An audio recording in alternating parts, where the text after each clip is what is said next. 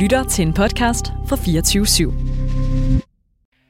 Have you brought with you some of those devices which would have enabled the CIA to use this poison for killing people? Det er vi jo nødt til at spørge ham om. Altså, for første gang har vi en gæst, hvor vi er nødt til at stille det spørgsmål, vi starter hver program med at stille. Tænk, at det skulle komme dertil. Jamen, det er perfekt.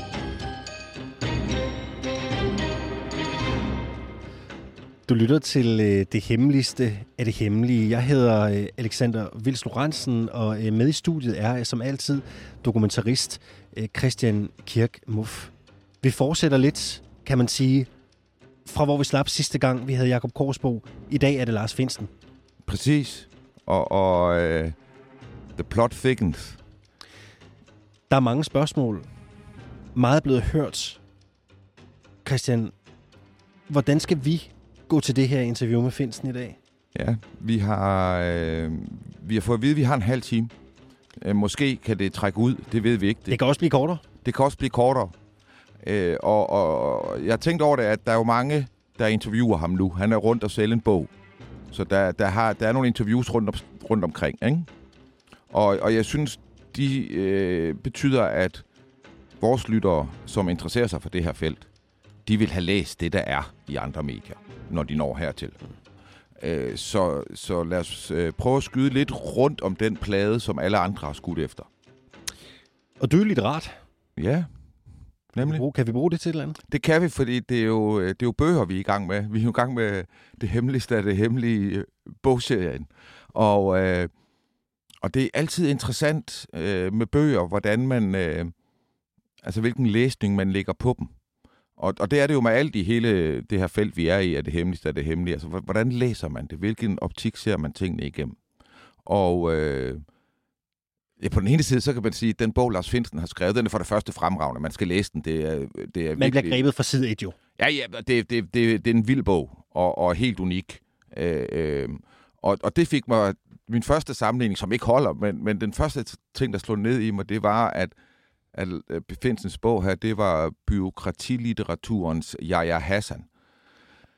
Og hvad betyder det? Det betyder, at i forhold til, du ved, når sådan byråkrater skriver erindringer, så øh, hvis der er øh, sådan beskrivelser af, at der blev løftet et øjenbryn, eller, øh, øh, eller han havde måske en, øh, en krølle på skjorten, så er det så svinsk, som det bliver.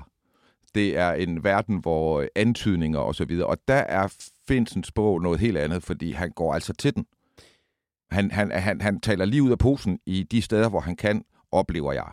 Øh, nogle gange peger han fingre af andre, og nogle gange lader det til, at han glemmer, at når han peger fingre af andre, så er der nogen, der peger på ham selv. Tror du på ham?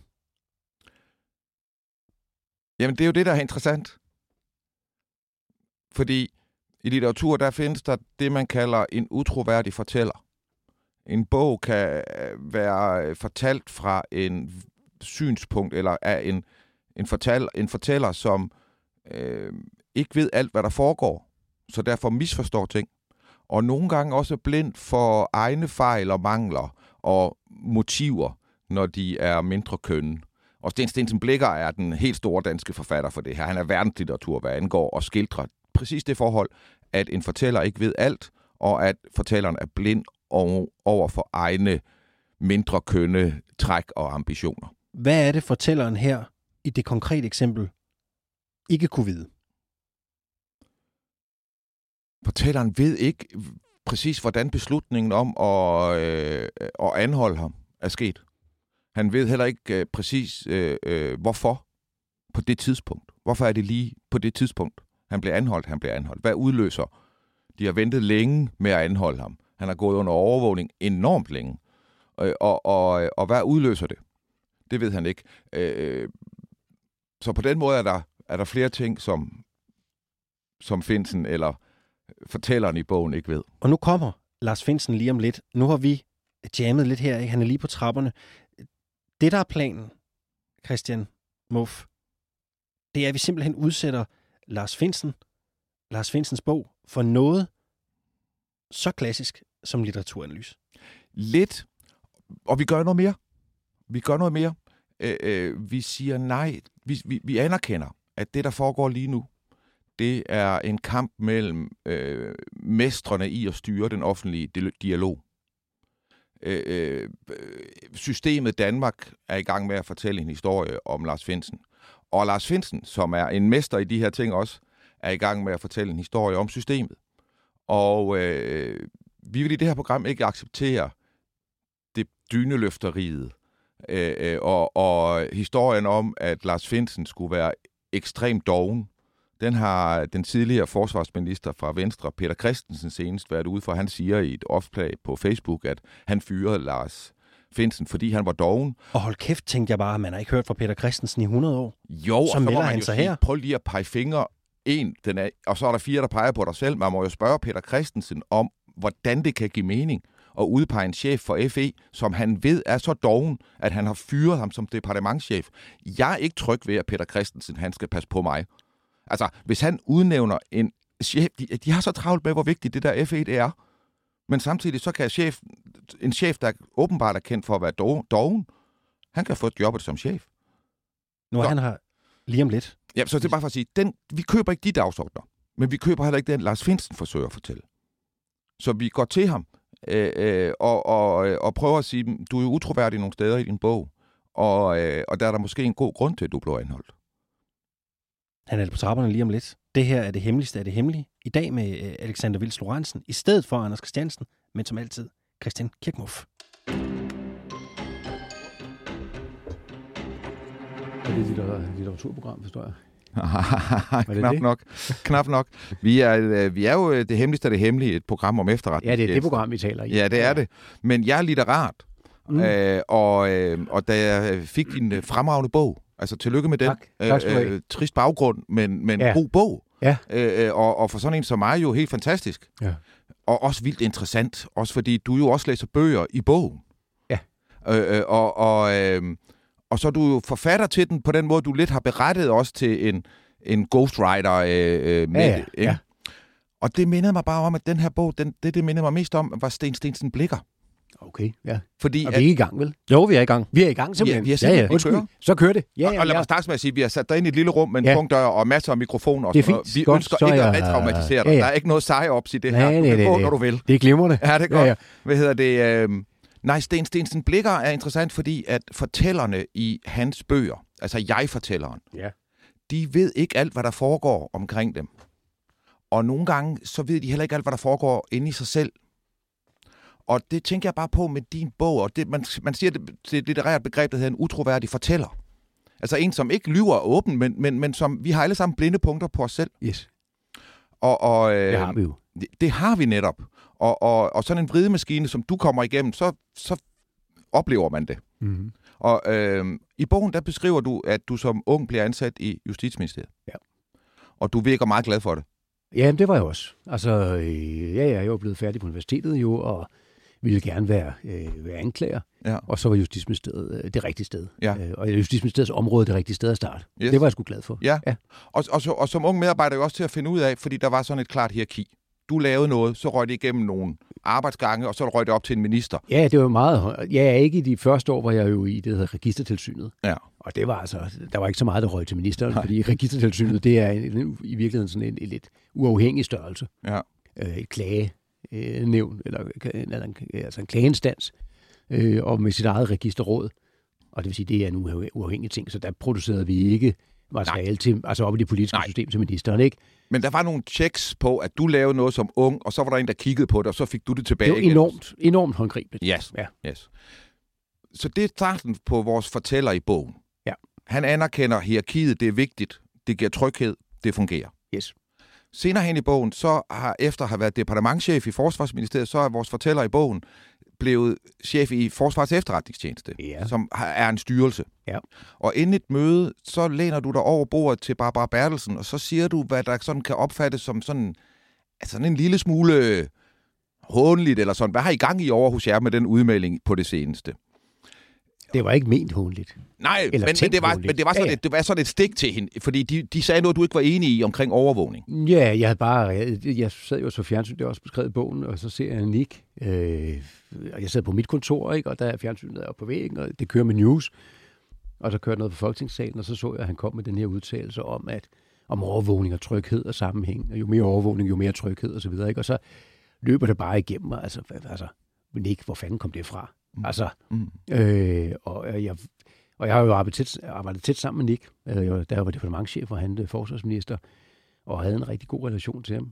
Og det har det sikkert også stadigvæk i dag, ja. og, og kan rigtig godt lide ham.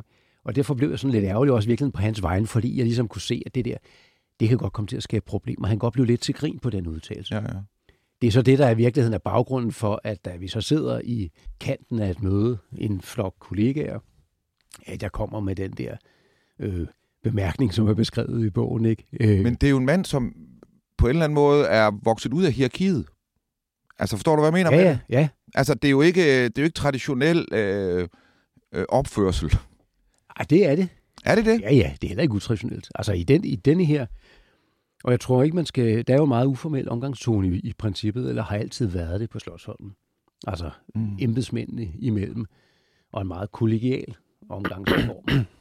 øh, og hvor man kan øh, tale om også forhold på hinandens ressortområde osv. Så, så for mig virkede det helt naturligt i den her kontekst, og vi var jo ikke de eneste, der var tilbage altså til stede i lokalet. Der sad jo andre departementchefer og, og kollegaer osv. Og, og, og så, øh, så spørger, altså, som det også er beskrevet hen over bordet, Barbara, fandt jeg håber ikke, Ja, altså, at, at, ikke at det var noget, kan man sige, i ministeriet ligesom havde skrevet ind i, i Nicks tale. Men der er vel alligevel et stykke vej fra den fuldmægtige, der går ind i et ministerie og er meget tro mod hierarkiet, til den Lars Finsen, man ser her, der går tæt af tæt. Altså, hvad er det, der er sket? Øh, ja, jeg tror ikke, jeg lige... Altså, du går op, ja, ja. du går op mod systemet jo, ikke? Altså i, på en anden måde. I, i den sætning der, altså i den... Nej, i den jeg ved ikke om den sætning, men, men jeg kan også give et andet eksempel. Peter. Også bare lige for, men det er mere også for... Altså jeg var jo ikke i den situation der i noget referenceforhold til Barbara Bertelsen. Hun er jo i Men det foregår, det, det foregår foran andre mennesker. Altså det foregår i sådan et kollegialt miljø. Jeg tænkte bare, hvis det ja. var mig, så ville jeg da tænke, jeg ville da, hvis jeg var bare bare i den situation, så ville jeg tænke, det var da alligevel træls nok. Oh, ja, ja, det er rigtigt nok, men altså, så skulle man høre, hvad der ellers foregår. altså, jeg lige ved at sige, ikke? Og det hvordan vil vi gerne. Det vil vi ja, ja, og, ja, det kan jeg godt forstå. Men altså, hvordan der er en kollegial omgangsform, og man godt kan køre på tværs af, ja. han er sagt, ressortområderne med den slags, kan man sige, kollegiale bemærkninger eller drillerier, eller hvad, men, hvad det nu men, er. Men når jeg læser bogen der, ja. så tænker jeg i hvert fald som, du ved, der er sket noget med fortælleren her. Ja. Fordi at, at øh, øh, og, og, og det er jo også sådan, hvis man, eksemplet er også med Peter Christensen, som jeg jo synes er et utrolig interessant afsnit, du, du har omkring din tid der. Ja.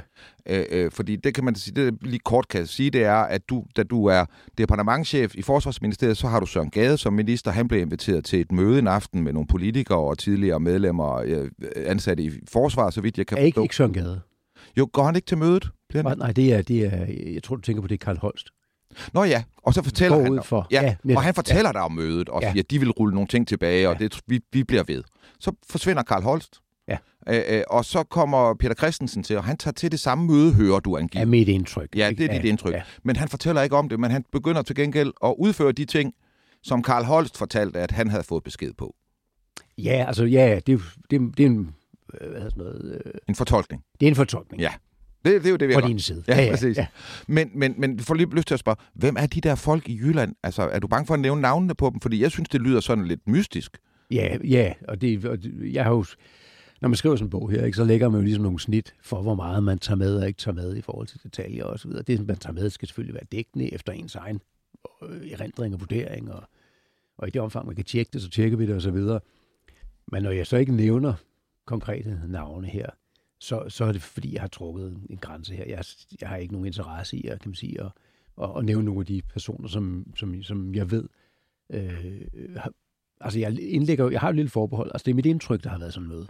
Mm. Og jeg har også et nogenlunde indtryk af, hvem der så har været i hvert fald ja. i et vist omfang med på det møde. Men jeg kommer ikke til at komme øh, nærmere ind på, hvem der var til stede. Men som læser, så sidder jeg jo som et, et mysterium, fordi jeg kan jo så godt med min konspirationshat, hvis jeg sætter den på, så kan jeg jo tænke, der sidder et eller andet military industrial complex der, som har nogle uformelle magt øh, tråde her, og der er nogen, der ikke tør gå op imod dem, der er nogen, der ikke tør sige, hvem de er, og de har indflydelse på politik, øh, og de har indflydelse på, hvordan de bruger mine penge og dine penge og vores allesammens penge. Øh, øh, det kan ja, det er jo så det billede, ja, det er så det billede, du får frem ja. øh, hos dig selv, ikke? Ja, ja. når det er, det, ja. at du læser det her. Ikke? Ja. Men jeg kan ikke... Øh, Øh, jeg, jeg kan ikke, vil ikke gå øh, længere ned øh, eller nærmere ind i det. Men, men det, vi er nemlig inde ved noget der, som jeg synes er, er, øh, er en lille smule... Øh, det, det er, din bog er fantastisk også med Ja. det her, fordi du tager jo som den første sådan lige løfter flien ind til noget her, Ja, som jeg tænker, uha, Ja. hvad sker der her? Og, og der er nødt til lige at sige til dig, at bekymrende nok, så har jeg i de sidste uger og måneder hørt flere historier om, hvad der kan foregå inde i den verden, du Ja. tidligere var i. Ja. Og noget af det, jeg hører, det er, at øh, Nick Hækkerup og Karl Holst, de blev fjernet øh, som ministre. Og det blev de indenfra i det militære system, fordi at øh, de havde fornemmelsen af, at der ikke blev makket ret. Øh, øh, er det dit indtryk, at minister kan blive fjernet i Danmark af folk inde i systemet, fordi de ikke synes, de opfører sig rigtigt? Uh, nej, det er, ikke, det er ikke det indtryk, jeg sidder tilbage med. Uh, altså, der må jeg skuffe dig, hvis det er, du... Det er helt vildt. er det det, der... Jeg er så skuffet nu. Hvor Nej, hører du det jeg er her fakt- fra, Mo? Ja, ikke? Jeg Ja, er hvor, ja, ja, jeg- det jeg kunne er man være tilbøjelig til at spørge om, jo ikke? Hvor kom Det må man selvfølgelig. Ja, det vil vi en lidt Ja, ja. nysgerrige. Hvor Ja, ja, har du ja, det fra? Det har jeg fra, øh, fra øh, mere end en kilde, som har mere end 10 år i øh, FE.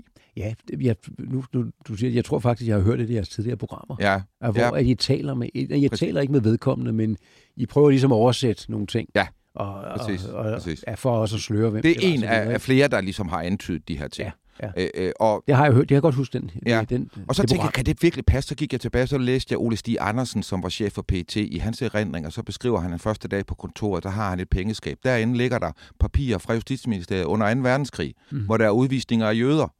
Så siger han, sagerne er aldrig kommet frem, men de ligger der, fordi det er nogle interessante mennesker, der er skrevet under. Så tænker jeg, hov, har PET haft en bombe liggende Mhm. i flere årtier mod folk, som nu vil, er blevet stærke i systemet, som de kan styre med den hemmelighed. Hvad tænker du, når du læser sådan noget? Ja, nu, jeg har kun læst øh, den glimtvi, altså sporadiske øh, Ole Stig Andersens bog, øh, og altså, jeg har ikke nogen bemærkning. Altså, jeg har jo selv, han har sagt, haft et pengeskab stående, Ja. ja. øh, i, der var PT-chef, og jeg har haft et pengeskab stående, øh, der var FE-chef, og, og øh, i, jeg har også haft adgang til hemmelige dokumenter i Forsvarsministeriet og så videre. Der var der som departementchef. Og, og jeg øh, kommer ikke til, kan man sige, at gå ind i... Øh, jeg ved godt, det er dødssygt i sådan et program som det her, hvor vi jo gerne vil ind til kernen, tænker jeg. Nej, men Øh, prøv at du, du er tilgivet, ja. fordi du har nærmet dig så meget som nogen Ja, ja. i din bog. Ja. Så det er helt fint, Ja. men vi danser lidt videre rundt om det. Ja, det er fint. Ja, ja. ja. hvad hedder det? Øh... Der er nogle andre ting, som, som slår mig. Øh, øh... Du beskriver, at der er en jægerbosag. Ja. Og, og, og det er sådan en... Lidt ligesom man kunne sådan helt op i helikopteren kigge på det, der er foregået de sidste par år med dig, og sådan det hele forløbet her. Det er en møgssag. Ikke? Altså du ved, Jo, det var en møgssag. Ja. Helt. sådan en, hvor man bare tænkte, vi vil gerne have været det Fra hele ende til anden. Ja, der er ikke altså, nogen, der vinder her. øh, Der, Overhovedet ikke. Nej. Det, var, det gik bare Ja. ja. galt yes. for hver dag, der gik. Ja, og, og, og det ender med, at du skal tage en lang samtale med herrechefen. Øh, Ja, eller forsvarschef. Forsvarschefen, ja, ja. Undskyld. Ja. Øh, øh, øh, og, og, og han må ligesom øh, fratræde jobbet, selvom han egentlig ikke har gjort noget forkert i det her. Men det er jo her, i, du ved, han har ansvaret. Det er inden for hans område. Øh, øh, sagen handler om, hvorvidt har man brugt jægerkorpset mere end offentligheden, politikere har fået at vide. Hvis nu den her forsvarschef, han på det tidspunkt havde begyndt at fortælle pressen om, hvad han synes var det rigtige, for at ligesom med samme motiver, som du. Ja. har talt nu, Ja. hvad vil du så have tænkt om det? Uh, ja, det er også et udmærket spørgsmål. Øh, så, så tak for det. Sorry. det, er, ja, det har jeg faktisk ikke tænkt på, øh, på, på, på, det, på altså det scenarie øh, Nej. før. Altså, jeg tror, jeg havde nok at tænke på på det daværende tidspunkt, i forhold til bare at håndtere Ja. øh, øh, det kaos, der, der udviklede sig efter at den her arabiske oversættelse, kan man sige, kom på banen. ja. Og jeg havde jo også selv en rolle i forhold til at få ministeren kan man sige, til at nævne den, da vi kommer ud for udenrigspolitisk nævn. Øh, og ligesom bringe den i spil, den der oversættelse. ja. Og så er resten lidt historie, fordi det viste sig, at det var en oversættelse, der var produceret i, øh, i, i forsvaret selv, og det var selvfølgelig højst uheldigt. Øh, Men det er et eksempel på det der med, at møgsager lige pludselig bare kræver nogle ofre. Ja. Ikke? Og, og det er ikke retfærdigt. Nej. Så det, det, er jo et game, det er ikke altid retfærdigt. så det er jo et game, du lidt kender. Yes. Så hvis du gerne vil have retfærdighed i den her sag, er ja. det så ikke sådan lidt... Hvem er du at bede om det? Jamen det, jo, det kan du så godt. Jeg tror jo også, jeg skriver øh, et eller andet sted det her med, at, at øh, jeg på et meget tidligt tidspunkt bliver helt bevidst om, at, at, man, at det er en, altså det kan være risky business. øh, og, og, og sidde de her steder med de her stillinger, er jo også et andet sted i udlandet, hvor kollegaer, øh, og det har jeg nævnt også, er blevet, kan man sige, flyttet, hvor man kan sige, at der var faktisk ikke noget bebrejdt dem, mm. men hvor det har været øh, det, man så har valgt at gøre i en given situation. Øh, så jeg er udmærket klar over, at, at, at det er, at det er vilkårene samtidig, da det er, jeg bliver hjemsendt der i øh, august 2020, øh, er jeg selvfølgelig øh, var jeg klar over allerede på det tidspunkt, og jeg kommer meget hurtigt med en udtalelse også, hvor jeg siger, at jeg er fortrøstningsfuld, og jeg ser frem til en tilbundsgående undersøgelse osv., ikke? Og, fordi jeg ved, at det vil ende, som det endte, nemlig at der ikke var noget som helst at komme efter. Der var ikke fuld sved på den sag. Men når det så var sagt, så havde jeg det også, i hvert fald når jeg talte om sagen med, med mine omgivelser, altså, at nu har jeg været i det her system i 30 år, et, måske hørte med til at have været, at være øh, embedsmand i rigtig, rigtig mange år, og blev sendt hjem og få en kommission efter sig, og så videre, og så videre. Det er en del af... Ligesom jeg havde... store fodboldtræner, man skal ja, ja. ligesom prøve at blive fyret. Ja, jeg havde ligesom en eller anden erkendelse af, at, at sådan noget her kan ske. Ja. Altså, og det, så tager vi den derfra. Det, der gjorde, at det var til at have mere at gøre, altså også på, altså med mig selv, det var, at jeg vidste, at, hvor det ville ende. Altså, det, det er alligevel en anden situation at være i, ind, hvis man med sig selv ved, at det her, det er sgu noget lort. Ja, ja. Altså, at der kommer, det ender med en kommission, som kommer med en sønderlemmende kritik af dig, eller der er begået ulovlighed, eller hvad det nu kunne være. Du er ikke Arne Trehold. Du havde ikke en masse møder i Wien, som der ikke var nogen, der måtte vide noget om. Du, havde jo, du vidste jo godt, hvad, hvor, hvor slemt kan det værste ja, ja, ske. Netop. Så det ja. gjorde i virkeligheden, at det var jo meget mere tåleligt, fordi jeg vidste, at det her, der, det, kan man ja. sige, det falder på plads. Og det kommer for, for en dag, at der ikke var noget at komme efter. Ikke? Det kan man sige, der er øh, vildt ved dig, Lars, er jo, at du har jo Øh, og det er der, det bliver sådan helt græsk uh, tragedie mærkeligt, ikke? Altså, fordi du har jo delt ud af det, du har fået os. Er der noget, du har været udsat for, som du ikke har udsat nogen for? Altså, den håndtering, du fik, ja. øh, øh, er, er, er der noget der, hvor du tænkte, det der, det har jeg alligevel ikke været med til?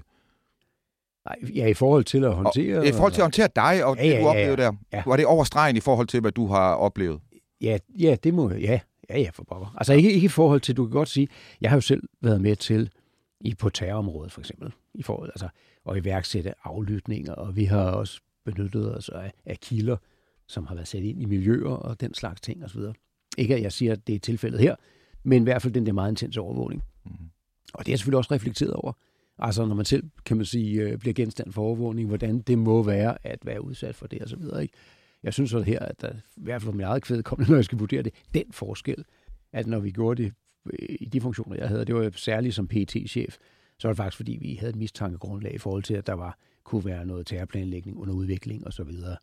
Mens i min egen igen, min egen vurdering, øh, er der ikke noget, kan man sige, i mit sagskompleks her, som kan i det her øh, til den, kan man sige, øh, overvågning, der har været iværksat og igennem så lang tid.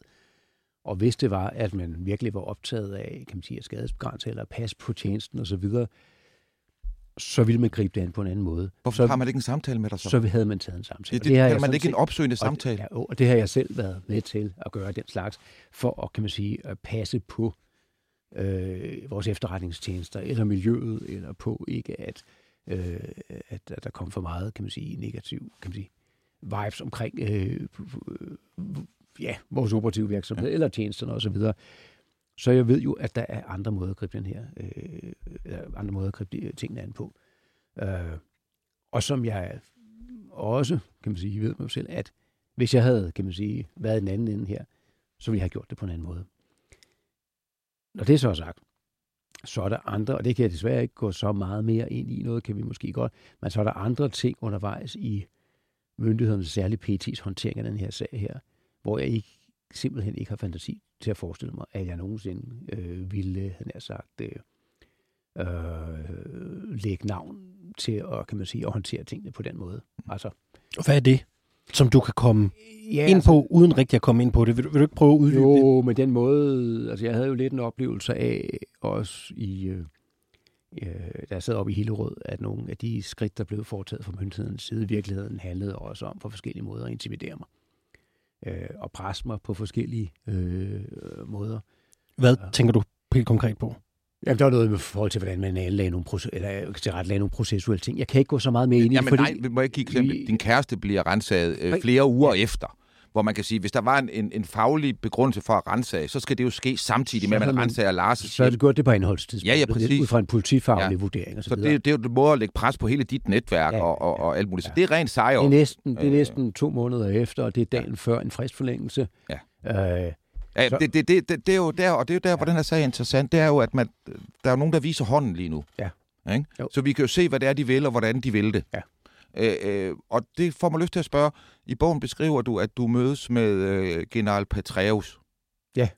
Og er det til Bilderberg, det er til Bilderberg. hvilket jo er helt fantastisk også, fordi for sådan sølvpapirshat i verden, så, så strider alt på alle, Ja, ja. når man siger det. Hvad hedder det? Øh, øh, men man kan sige, at du har fået den, den hårde næve øh, i verdens blideste samfund. Ja. General Petraeus og hans hold, når ja. de deler den hårde næve ud, Mm. så finder man sig selv i Abu Ghraib eller i Guantanamo. Ja. Og det kan ske, hvis man hedder øh, et eller andet andet end Lars Finsen, og, øh, og så er der ikke nogen dom i mange år, og i hemmelighed i mange år osv. For du aldrig, tænker du herefter, hvor du er lidt på afstand af det hele, hvad er det der for en branche, og hvad er det for nogle partnere, vi har? Nej, nej, det gør jeg faktisk ikke. Og, og nu skal jeg, jeg vil ikke gå ind og, han er- og, og, og dele karakterer ud til den ene eller den anden eller den tredje tjeneste øh, i, i verden. Men øh, jeg, og efter tror jeg virkelig, at mange, der går lidt galt i byen. Fordi hvis man ser min oplevelse af efterretningsmiljøet, også både, altså, hvis vi går i 20 år, ikke? så var der rundt som departementchef. Der var det en mere indirekte kontakt, jeg havde med det, men dog alligevel. Men i PT-tiden og FE-tiden, så er det faktisk øh, et ordentligt miljø. Altså det er klart, at det, og det er nogle, øh, nogle øh, institutioner, nogle myndigheder, som har nogle ret kraftige magtbefoldelser indimellem, men hvor der er en meget, om en meget høj grad af, af etik og ordentlighed, og, øh, og, en pas, og en vilje til i virkeligheden at, at passe på, kan man sige, på vores demokratier.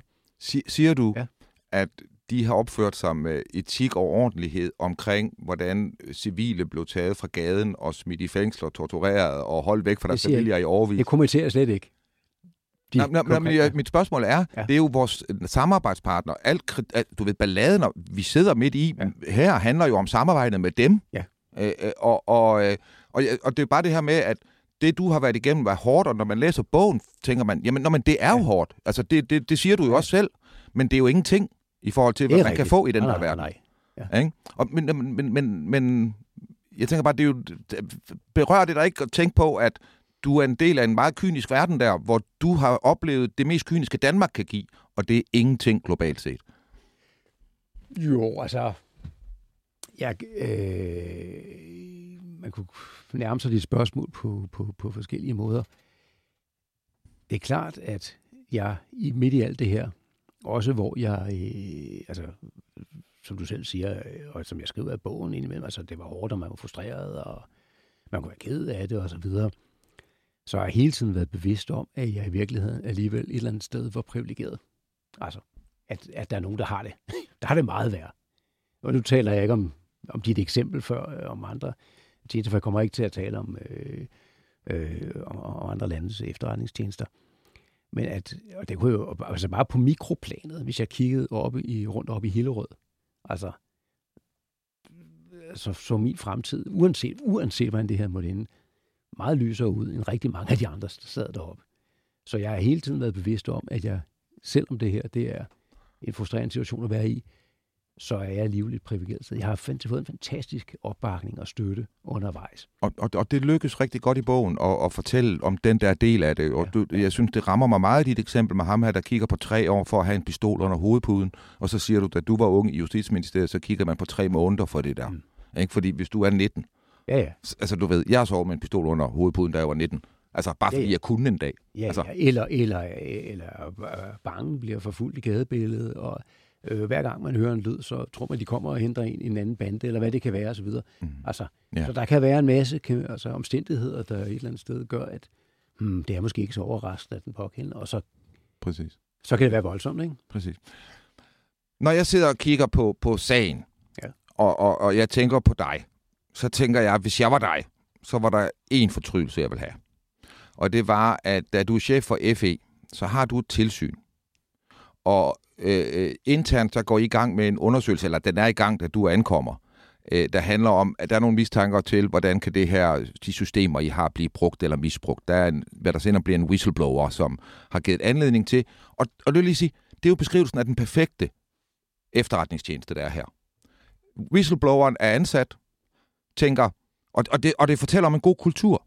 Fordi den, den ansatte tænker, der er noget her, jeg har mistanke om, at der kan blive misbrugt noget her. Så vedkommende tør sige det i sin organisation. Og, og, øh, og organisationen tager det alvorligt. De kigger på det, og de laver en lang undersøgelse. Så konkluderer I, at nej, vi gør ikke noget forkert her. Nu har vi kigget på det åbent. Vi gør ikke noget forkert. Det er jo rigtig fedt. Det kan ikke være bedre.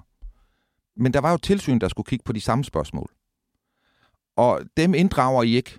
Og så sker der det, at tilsynet, de får så whistleblowerne at vide, at alle de møder, de har holdt med dig og dine i flere år, det har været, øh, der er de blevet forholdt en masse oplysninger om, at de var i gang med at undersøge noget, som de mente, de var sat i verden for at undersøge.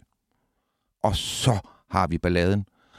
Og når man så sidder som chef for en tjeneste, hvor der er altså en lang historie for, at man ikke vil kigges over skuldrene, hvor man lægger sædler i arkivet, hvis det er noget, der ikke skal vises tilsynet, og øh, hvor man udliciterer dele af sit, til, øh, sit øh, arkiv til private aktører, fordi det er ulovligt for en selv at have det. Lige sige, det er ikke et billede, jeg kan genkende. Det, Nej, men ja, det er bare Hans Hætler-sagen, og det er Arne ja, Nielsens ja, praksis. Men der skal vi dog noget tilbage i historien. Jo, jo, ja, ja. ja. ja, ja. Men, men der er jo en bekymring for, at efterretningstjenester kunne finde på at forholde tilsyn nogen, og, og, og, og demokratisk valgte politikere og ting og sager. Det er jo, og der er en historik for det. Der er en historik, men, men hvis det er... Man, men hvorfor vil I ikke vogtes? Hvorfor vil hvis, vogterne ikke vogtes? Hvis, jamen det er sådan set heller ikke situationen. Altså tværtimod. Vi virker, altså, jeg har, har prøvet at stå for en linje, der består i, at det er vigtigt, at der er tilsyn. Og at et, det til enhver tid, kan man sige, eksisterende tilsyn skal betjenes bedst muligt. Og skal ikke, ikke skal forholdes nogen som helst øh, oplysninger. Det, det følte de, de blev. Det, Ja, jeg skal jo ikke, jeg tror jeg ikke, jeg vil ikke gå ind i, kan man sige, og jeg har hørt alt. Det står for min regning. Ja, ja, det du de sagde følte, før. De blev forholdt det her. De mente, de skulle have det at vide, og de skulle ja, have det med ja, lang tid ja, før. Men, ja, men jeg kan jo bare sige, hvad vi har forsøgt at stå for i, uh, i tjenesten, nemlig at der skal være tilsyn. Tilsynet skal serviceres bedst muligt, og vi har ikke nogen interesse i at forholde tilsyn nogen som helst oplysninger, hvilket også vil være umådeligt dumt og kortsigtet. Uh, men det var det, det, der skete. Det, er ikke, nej, det, jo, det var det, der blev oplevet. Nu snakker vi perception. Det kan godt være, at der er nogen, der har oplevet. Ja, hele balladen handler vel om. Hvis du ser på, hvordan FI-kommissionen, den kommission, der så bliver nedsat, de kommer frem til, at der intet var at komme efter. Men det er det, der, i forhold det, til de jamen, det er jeg nemlig med på. Jeg tror, at hele balladen her handler om tillidsbruddet. Jeg tror, balladen handler ikke om det praktiske, konkrete. Jeg tror, og det står for egen regning, ja. jeg tror, at whistlebloweren afleverer noget materiale til et tilsyn, som viser, at der er en kultur i efterretningstjenesten, hvor man forholder tiger, for tiger ting for tilsynet. Mm. Og det tror jeg, de finder, hvad de oplever som klar dokumentation på. Ja, det kan godt være, hvordan de har oplevet det. Det, det, det kunne, øh, og så vil jeg jo spørge dig. Ja. Den her kommission, der så blev frikender, ja, det er tre landsdommere. Mm. Nu har du jo oplevet, at der er blevet øh, sat en øh, aflytning af dig i gang af en dommer, baseret på noget, jeg ikke har fantasi til at forestille mig rigtig kan være et rimeligt baggrund. Enig. Så er du blevet anholdt på noget, jeg ikke kan se kan være en rimelig baggrund. Du er blevet isolationsfængslet, du er blevet holdt varetægtsfængslet, altså længe. Jeg er ikke isolationsfængslet. Men Var du ikke isolationsfængslet overhovedet? Okay, nej. Nej, det hedder BB, altså brev- og besøgskontrol. Ja. Det er ikke isolationsfængslet. Nej, nej, fint, fint ja. nok. Okay, men ja. alt det her, det er blevet attesteret af vores retssystem. Hele vejen igennem. Yes. Har vi et retssystem, som... Øh, har vi de forkerte love, kan man få lov at spørge sig selv? Eller har vi et retssystem, som når ting, der kommer til at handle om sikkerhedspolitik, så gør man, hvad der skal gøres? Ja, det har jeg også tænkt over. Altså, øh, når du nu... Øh, jeg har nogle betragtninger til sidst i... For det, for det er jo rigtigt, at den overvågning, der blev iværksat, og så var meget langvarig, det er jo en dommer. Det er jo PET, der er gået ned, og så har de fået en kendelse af en dommer, som så hver fjerde uge har forlænget den kendelse. Øh, og der har jeg selvfølgelig tænkt over, hvordan kunne det, hvad var grundlaget for det? Øh, hvad det, der ikke øh, rigtig måske har...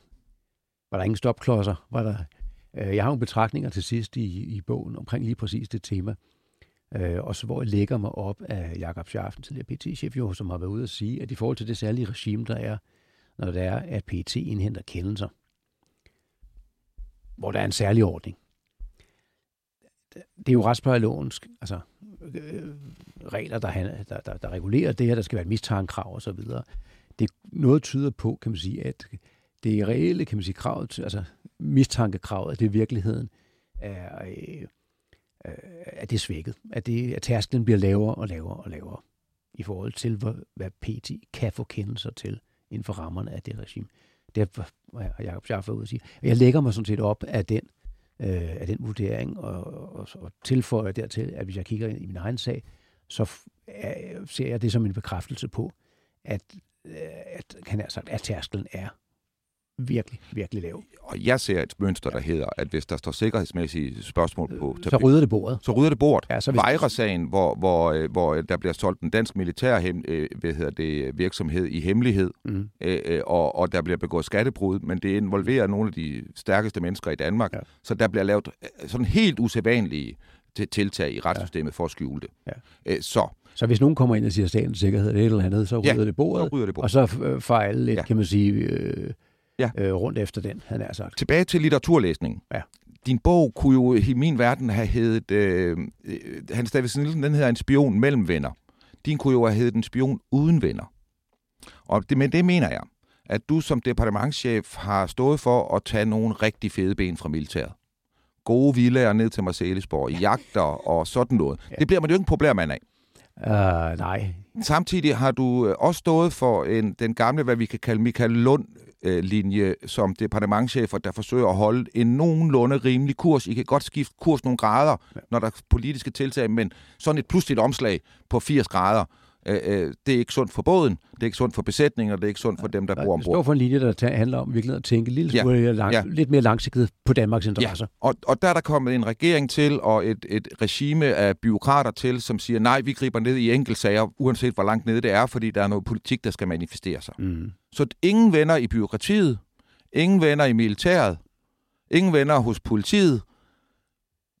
Du er velkommen her igen. Ja, jeg vil lige, hvis jeg lige må have lov, inden Ja. jeg slutter af, ikke? Altså, at jeg har fået u- virkelig, virkelig mange tilkendegivelser fra højstående officerer, som udtrykker deres sympati og støtte osv. Så, videre. så det der billede om, at der ikke er nogen venner blandt de uniformerede Jeg tænker officielt. officerer, Jeg tænker den officielle linje. og, Så er det du, samme, og det samme fra politiet og politifolk Ja. og så videre. for ja, vi ser jo også i, i, øh, i mediebilledet og, og alt omkring den her sag jo, at du har venner også.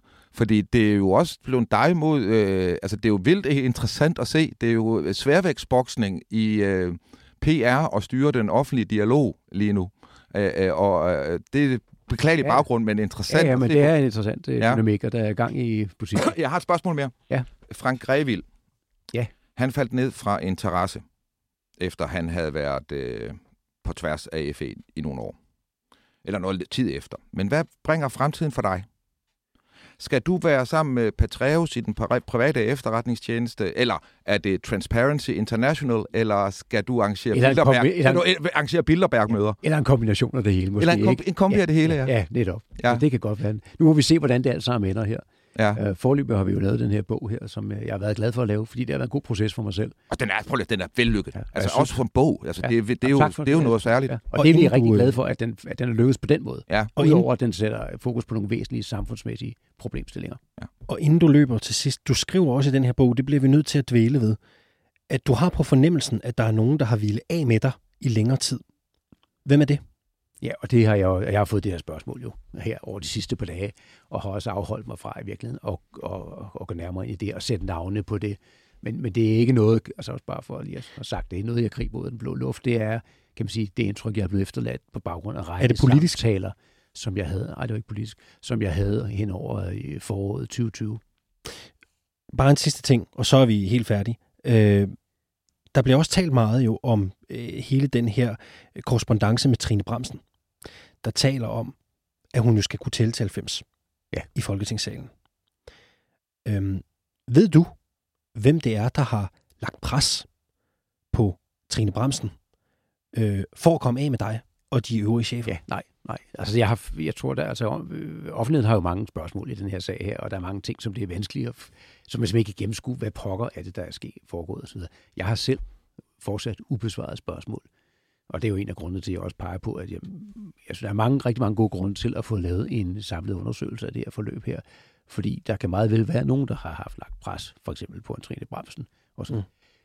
Men, men, øh, men det, det, det er kun en, kan man sige, en, en, en, en nærmere undersøgelse, der vil kunne afdække øh, mm. forhåbentlig, hvad det er for dynamikker, der har, der har ligget til grund for den håndtering, som var øh, i bund og grund temmelig uhensigtsmæssigt, hvis vi ser på den skade, det har forvoldt for, i forhold til, til FE, vores udenrigs efterretningstjeneste. En af dine kollegaer, den danske forfatter Sten Stensen Blækker, han har skrevet to øh, rigtig, rigtig gode øh, lange noveller, jeg synes, du skal læse. Den ene hedder Sildi Opvågen, og den anden hedder Præsten i Vejlby. Ja. Øh, det er... Øh... Jeg tror, jeg har læst den sidste for mange år siden, men ja. jeg, jeg tror, jeg genlæser dem. Genlæ- den genlæser, og den anden læser jeg. Og Sildi Opvågen særligt. Ja. Det er... Øh... Det vil jeg, ja. Og tak for, for den anbefaling. Og tak, tak fordi du kom. Søde, mand. Ja, det var så fedt. Ja, det var hyggeligt at, ja. at være her. Og flot stået imod. Det der er der ikke mange, der kommer igennem på den der måde, og det ved du også godt. Det er der ikke mange, der gør. Så flot. Ja, tak for det. Det var vores uh, samtale med uh, Lars uh, Finsen. Hvordan synes du, han tog uh, litteraturanalysen? Jeg ved snart ikke, hvad jeg skal sige. Jeg synes, det var en meget veloplagt mand, øh, som... Øh, øh, det bliver en spændende tid, vi går ind i. Altså, det der er ikke en mand, der har tænkt sig at lægge sig ned. De har fået en... Øh, de har fået sådan en værdig modstander i efterretningstjenesterne mm. og inde i systemet her fordi at øh, han forstår spillet, og, og han kan svare for sig, og han er, øh, han er fortørnet. Og kan du ikke prøve at sætte nogle ord på, Muff, med det kendskab, du har til den her verden? Hvad er det, der er på spil for både politikere og efterretningstjeneste, når nu Lars Finsen stiller sig frem og er så åbenmundet, som han er? Altså det, der er interessant lige nu, det er, at øh, der er ikke rigtig nogen, der kan komme afsted med at lyve særlig meget i en verden, hvor de lyver ret meget. Og grund til, at de ikke kan det, det er, at folk går rundt lige nu i forskellige lejre, og der er dybest set tre lejre, øh, øh, og, og kaster med sandheder efter hinanden. Ting, som er sande, men som normalt aldrig vil komme frem, og man normalt aldrig vil bruge mod hinanden åbent. Det bruger man mod hinanden åbent nu. Og også ting, der er løgne. Og, og, men det betyder, at man kan blive taget, altså det er nemt at blive taget i en løgn lige nu, hvis man er involveret i den her sag. Øh, øh, man, man skal virkelig passe på, hvad man siger. Og det der er, og for mig set, så det, der, det vi har nu, det er, øh, det er tre øh, enheder øh, mod hinanden. Det er øh, regeringen og departementet, øh, departementerne.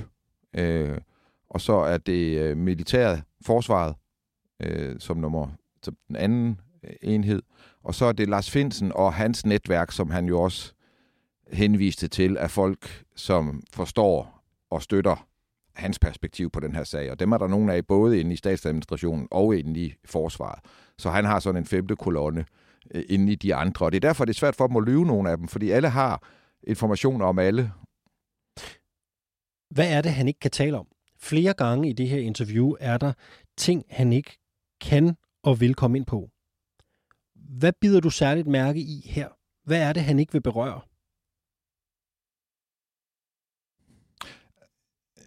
Det, det, jeg bliver mærke i, det er, at han jo også selv siger, at der er mange ting, han ikke ved. Og det er også særligt ved hans bog. Det er specielt at læse en bog, der handler om en sag, hvor den, der fremstiller og fortæller sagen, ikke ved alt om den. Øh, han ved ikke, hvad der er forstået, foregået inde i, øh, i statsministeriet. Han, han forstår dybest set ikke, hvorfor sagen er håndteret på den her måde. Øh, og, og det er også det store mysterium, og det er jo der, hvor man også kan blive lidt konspiratorisk omkring, at der er andre interesser end bare danske på spil. Øh, fordi at det er bare en, det er ligesom om, at der er nogle andre, der skal forstå, at staten og forsvaret tager det her alvorligt. Hvem er den næste, vi i den her programrække skal tale med for at blive klogere på den her sag? Hvem er den næste interessante at tale med?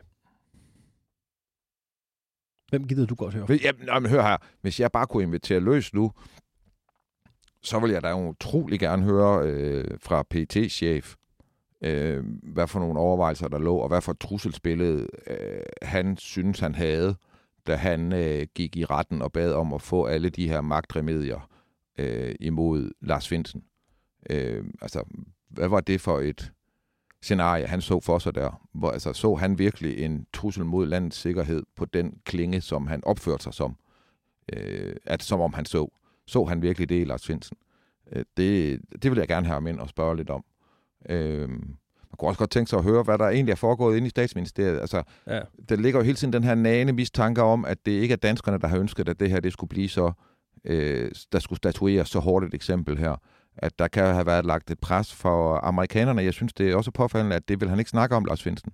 Han vil ikke snakke om amerikanerne. Han vil ikke snakke om amerikanerne som partner for, Og metoderne. og metode. Han vil slet ikke snakke om de ting, vel? Øhm, det er også en farlig, altså helt straight up. Nu, at I Danmark er det nok det sikreste sted at være i den situation, Lars Finsen er i. Men det er ikke en særlig øh, fed måde, øh, han, er, øh, han er placeret i verden på lige nu. Han ved enormt meget om enormt mange. Mm. Og jeg tror, at en stor del af hans øh, seneste tid har også gået, og, gået med at berolige alle mulige folk om, at øh, han er til at regne med og til at stole på endnu. Fordi der er også partnere i udlandet, der kigger på ham, og så tænker de, hvad er han ved at fuldstændig slippe tøjet og tale over sig til højre og venstre, Mm. fordi han er vred og ved at hævne sig. Og så tror jeg, der er nogle udenlandske tjenester, som også har været interesseret i at høre, Lars, øh, hvor vred er du? Der er stadig meget af den her sag, der er det hemmeligste af det hemmelige, øh, Christian Kirkmoff. Tak fordi jeg måtte øh, træde ind for Anders Christiansen i øh, den her uge. Jeg, jeg har en lille smule som om, at jeg har været til en messe i udlandet, og så har jeg mødt en anden pige, og så kommer jeg hjem igen til Anders i næste uge. Men, øh, men jeg synes også, det har været hyggeligt.